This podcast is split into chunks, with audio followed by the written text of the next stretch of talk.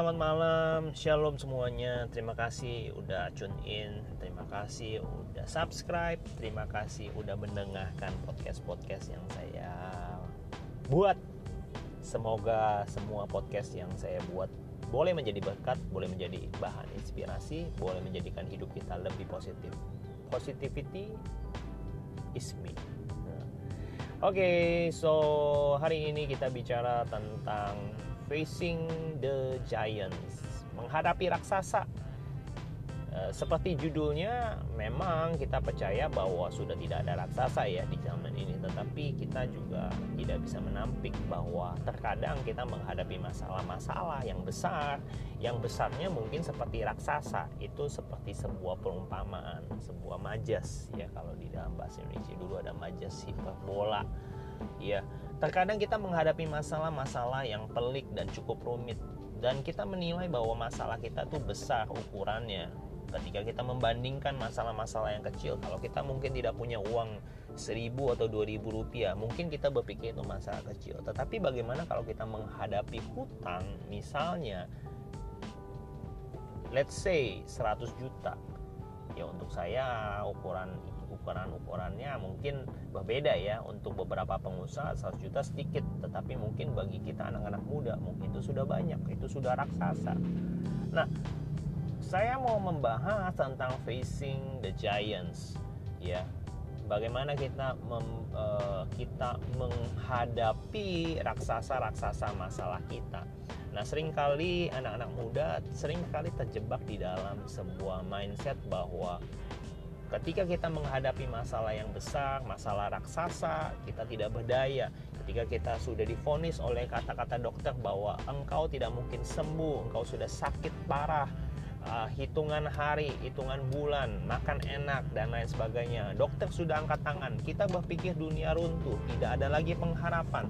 Tetapi kabar baiknya saya mau berkata kepada saudara yang mendengarkan podcast saya bahwa selalu ada pengharapan di dalam nama Tuhan Yesus. Tidak ada yang tidak mungkin, tidak ada yang mustahil bagi Tuhan. Amin. Dan saya berdoa, mari kita belajar sebuah kebenaran firman Tuhan di dalam 1 Samuel pasal yang 17 seorang tokoh yang bernama Daud dan juga Israel pada saat itu tentara Israel dan Raja Saul juga melihat bahwa mereka menghadapi masalah besar. Mereka menghadapi sebuah tantangan dan persoalan besar yaitu Goliat di sana Goliat digambarkan adalah sebagai gambaran bahwa itu adalah persoalan besar dia menantang barisan tentara Israel selama 40 hari. Dia berkata, hayu kita duel satu lawan satu. Pasukanmu gak usah semuanya lawan pasukanku. Tetapi biarlah satu orang dari bangsamu melawan aku, kata Goliat. Ketika kita berduel, kalau kamu kalah, maka kamu harus takluk di bawah kaki orang Filistin. Tetapi ketika aku kalah, maka bangsa Filistin akan takluk kepada bangsamu, kata Goliat saat itu. Saudara tahu apa yang terjadi? Ketika Goliat mengeluarkan kata-kata tantangan itu, yang terjadi adalah bahwa segenap tentara Israel dan juga rajanya, Raja Saul pada waktu itu merasa takut. Karena mereka melihat dan mereka berfokus bahwa mereka menghadapi raksasa, mereka menghadapi persoalan besar, tidak ada orang yang tingginya besar seperti Goliat pada saat itu. Mereka tingginya rata-rata mungkin seperti orang Indonesia kebanyakan 165 sampai 175. Tidak ada yang setinggi Goliat 3 meter lebih. Mereka begitu ketakutan, mereka melihat raksasa ini sebagai sebuah ancaman buat mereka. Mereka bilang, "Habislah saya, matilah saya." Dunia sudah berakhir. Bukankah itu kita kadang-kadang mengucapkan itu? Bukankah kita sering mengucapkan kata-kata yang sama? Ketika kita menghadapi masalah utang, kita menghadapi keluarga yang kacau, kita menghadapi uh, mungkin pelajaran di sekolah yang mungkin membuat kita terpuruk, nilai-nilai kita jatuh, drop, dan mungkin kita menghadapi sebuah dilema. Ketika kita di dibully, ditagi dan lain sebagainya. Sepertinya tidak ada pengharapan. Sepertinya kita menghadapi raksasa masalah yang menghimpit kita, yang mengintimidasi kehidupan kita sehingga kita mau berteriak, "Aku mau menyerah." Tetapi kabar baiknya pada malam hari ini ketika saudara mendengar podcast ini saya mau berkata Saudara bisa ada dua pilihan. Saudara bisa menyerah karena saudara fokus sama masalah besarmu Atau saya mau berkata mari kita belajar fokus kepada Tuhan yang besar maka engkau bisa menghadapi raksasa masalahmu. Bersama dengan Tuhan, saya percaya Tuhan menyediakan kemenangan bagimu. Bahkan Dia juga menjamin bahwa engkau adalah pemenang, bahkan lebih daripada pemenang. Itu adalah jaminan ketika kita melibatkan Tuhan atau menyertakan Tuhan di dalam menghadapi masalah kita. Jadi cuma punya dua pilihan, saudara-saudara. Saudara tidak dianjurkan untuk lari dari persoalan, saudara tidak dianjurkan untuk menghindari persoalan, tetapi saudara diajak lewat kebenaran firman Tuhan untuk menghadapi persoalanmu bersama dengan Tuhan. Let's face the giant with God. Seperti Daud menghadapi masalahnya, menghadapi Goliat dengan menyertakan Tuhan. Dia berkata di dalam 1 Samuel pasalnya yang ke-17 ayat 41 42 saudara bisa melihat. Dia berkata seperti ini. Engkau mendatangi aku dengan lembing, tetapi aku mendatangi engkau dengan nama Tuhan Allah barisan Israel yang kau tantang sebuah pernyataan yang luar biasa. Ketika kita menghadapi masalah yang bertubi-tubi yang menghimpit sebuah raksasa masalah yang besar, yang pelik, yang mengintimidasi kehidupan kita begitu hebat dan luar biasanya. Saya mau mengajak kita untuk berani memperkatakan kata-kata iman seperti apa yang dikatakan oleh Daud. Dia berkata, "Aku mendatangi engkau dengan nama Tuhan semesta alam." Mari kita mendeklarasikan iman kita kepada masalah kita. Hai masalah, saya punya Tuhan yang lebih besar dan Tuhan yang besar itu akan menolong saya untuk meng meng mengatasi engkau dan aku akan keluar sebagai pemenang bahkan lebih daripada pemenang.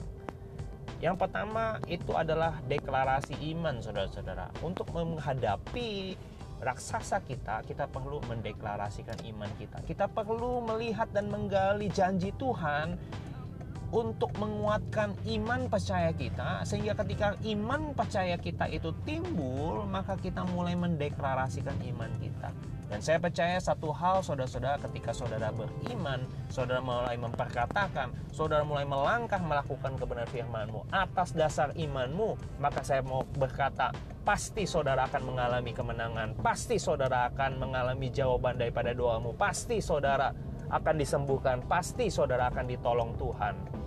Haleluya, haleluya. Tidak ada yang mustahil, saudara-saudara, dan saya percaya kita semua memang ditentukan sebagai umat pemenang, bahkan lebih daripada pemenang. Haleluya, haleluya. Yang pertama, saya tadi mau katakan, facing the giants by proclaiming your faith. Seperti Daud, dia memperkatakan imannya, dia melangkahkan kakinya, dan saya percaya semua ada jawaban di dalam nama Tuhan Yesus. Haleluya, haleluya. Yang pertama tadi dikatakan facing the giants by proclaiming your faith. Yang kedua saudara-saudara, mari kita lihat di dalam 1 Samuel pasal 17. Daud ketika dia berkata kata dengan iman kepada kepada uh, Goliat dikatakan di sana selain dia berkata-kata dia juga mempersiapkan diri saudara-saudara. Artinya apa saudara-saudara? Tidak cukup hanya memperkatakan iman, tidak cukup dengan hanya berdoa, tetapi saudara perlu sebuah persiapan untuk menghadapi Goliat. Perlu sebuah persiapan untuk saudara menghadapi masalahmu. Tuhan tidak pernah mengatakan bahwa kita hanya duduk diam dan menunggu pertolongan Tuhan. Tetapi lihat Daud, dia mencari batu di tepi sungai dan dia mempersiapkan lima batu. Saudara mungkin bertanya kenapa Daud? Kalau dia yakin sekali uh, swing itu apa? Sekali umban ya sekali putar-putar batu itu sekali langsung dilempar itu langsung mati kenapa dia harus mengambil lima batu licin mungkin saudara juga ada yang sempat kelintas sempat uh, berpikiran seperti sama seperti saya tetapi ada yang mungkin tidak menyadari kenapa Daud mengambil lima batu licin. Saudara yang terkasih kalau saudara melihat perjalanan Daud nanti kalau saudara membaca terus di dalam kisah satu Samuel dan lain sebagainya saudara membaca saudara akan menemukan bahwa Goliat ternyata bukan hanya Goliat yang datang di antara bangsa Filistin itu yang berbadan tinggi seperti raksasa bukan hanya Goliat, tetapi Goliat itu punya saudara-saudaranya, saudara. Di dalam satu tawarik nanti saudara membaca di mana di situ dikisahkan bahwa tentara Daud, panglima tentara Daud mengalahkan saudaranya Goliat. Artinya apa saudara-saudara? Daud itu punya persiapan, Daud itu punya strategi menghadapi masalah selain saudara berkata-kata dengan iman supaya saudara melangkahkan kaki dan menyertakan Tuhan menghadapi masalahmu. Yang kedua, saudara perlu strategi, saudara perlu hikmat, sama-sama katakan hikmat. Hikmat, hikmat itu diperlukan saudara-saudara untuk menghadapi sebuah raksasa yang besar perlu sebuah hikmat, perlu sebuah persiapan, perlu sebuah strategi, perlu sebuah perencanaan yang matang Makanya ada sebuah istilah, if you fail to plan, then you plan to fail. Ketika kita gagal untuk merencanakan, maka kita sedang merencanakan kegagalan. Dan saya mau berkata, Daud bukan orang-orang yang sembrono. Daud bukan berkata bahwa ah, saya tidak membawa pakaian perang, nah makanya saya langsung datang ke, ke medan pertempuran. No, no, no, no kita bisa melihat bagaimana Daud mempersiapkan dirinya walaupun dia tidak bisa memakai pakaian perang, dia tidak bisa memakai baju jirah yang dikenakan oleh Raja Saul kepadanya, tetapi dia pun punya strategi perang. Dia pun punya taktik, dia punya hikmat. Goliat memakai sebagaimana kita tahu bahwa dia memakai sebegitu rapatnya pakaian perangnya dari atas kepala dia bawa kayak ketopong kemudian dia pakai baju jira bersisik dia bawa uh, uh, apa tombak uh, dengan pesa tenun yang luar biasa sampai uh, di sampai dari ujung kepala, ujung rambut sampai ke ujung kuku kaki gitu ya. Kalau boleh di, dikatakan di situ di dalam 1 sampai 17 ayat 1 sampai 10 Saudara bisa melihat bahwa Goliat itu memakai dengan lengkap semua persenjataan dan perlengkapan perang Saudara-saudara. Nah, saya mau bertanya kepada saudara-saudara, apa yang dipakai Daud? Daud tidak mengenakan pedang, Daud tidak mengenakan baju perang, tetapi Daud menyiapkan apa yang biasa dia bawa ketika menjaga kambing domba. Nah, ini membuktikan bahwa selain dia memperkatakan imannya, Daud adalah tipikal orang yang berhikmat dia mempersiapkan segala sesuatunya. Dia mengambil lima batu licin untuk berjaga-jaga apabila dia telah menewaskan Goliat. Kalau-kalau saudara-saudara Goliat itu maju menghampiri Daud, maka saya percaya Daud akan mengumban batu yang kedua dan akan melemparkannya kepada saudara Goliat. Sampai di sini saudara bisa mengerti bahwa Daud adalah orang yang penuh dengan persiapan. Daud adalah orang yang penuh dengan hikmat. Daud tidak sembrono. Untuk menghadapi sebuah masalah yang besar, saudara perlu hikmat. Dan dari mana sumber hikmat? Sumber hikmat diperoleh ketika saudara dekat dengan Tuhan. Saudara bisa minta hikmat ketika saudara menghadapi masalah besar. Ayo kita berdoa, ayo kita kuasai diri kita. Jangan takut karena Tuhan menyertai saudara. Dan saya berdoa sekali lagi ketika saudara menghadapi masalah, ayo kita dekat dan semakin dekat dengan Tuhan. Ada sebuah ilustrasi saudara-saudara.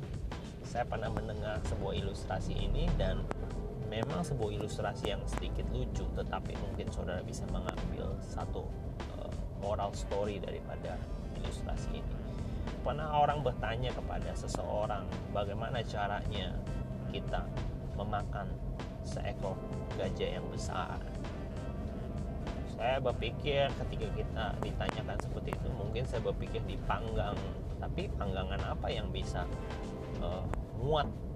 Ya satu ekor gajah yang besar sekali seperti itu. Mana ada penggorengan yang muat mana ada wajan yang muat untuk menggoreng seekor gajah yang besar. Setuju ya saudara-saudara ya? Mungkin saudara berpikir seperti itu. Tetapi jawabannya sebenarnya cukup simple dan mudah bagaimana caranya memakan seekor gajah yang besar? Sebenarnya strateginya cukup simple ya gajahnya dipotong kecil-kecil. Kemudian baru digoreng direbus di sop atau di apa pun bentuknya baru saudara makan. Artinya perlu sebuah strategi untuk menyelesaikan sebuah masalah yang besar. Terkadang kita perlu membuat skala prioritas mengecil-ngecilkan masalah yang besar menjadi masalah yang kecil. Masalah besar dibuat menjadi kecil masalah kecil ditiadakan. Dan saya percaya ketika saudara bisa menangkap sebuah pesan daripada Tuhan ini saudara tidak lagi stres saudara bisa dengan penuh keyakinan facing your giants dari tempat ini saya berdoa supaya saudara-saudara yang menghadapi masalah-masalah besar, masalah dalam keluargamu, masalah di dalam ekonomimu, masalah di dalam hubunganmu, masalah di dalam segala aspek kehidupanmu, ditolong Tuhan, disembuhkan Tuhan, dan apa pun yang menjadi kerinduan saudara dijawab Tuhan. Oke, itu aja. Jangan lupa kalau ada pesan, ada sebuah pertanyaan, you can find me at my Twitter or IG, Instagram at Fendi Syamsuddin. Dan semoga di lain kesempatan saudara juga bisa memberikan masukan dan lain-lain uh, supaya bisa lebih baik. Tuhan Yesus memberkati kita semua. Shalom.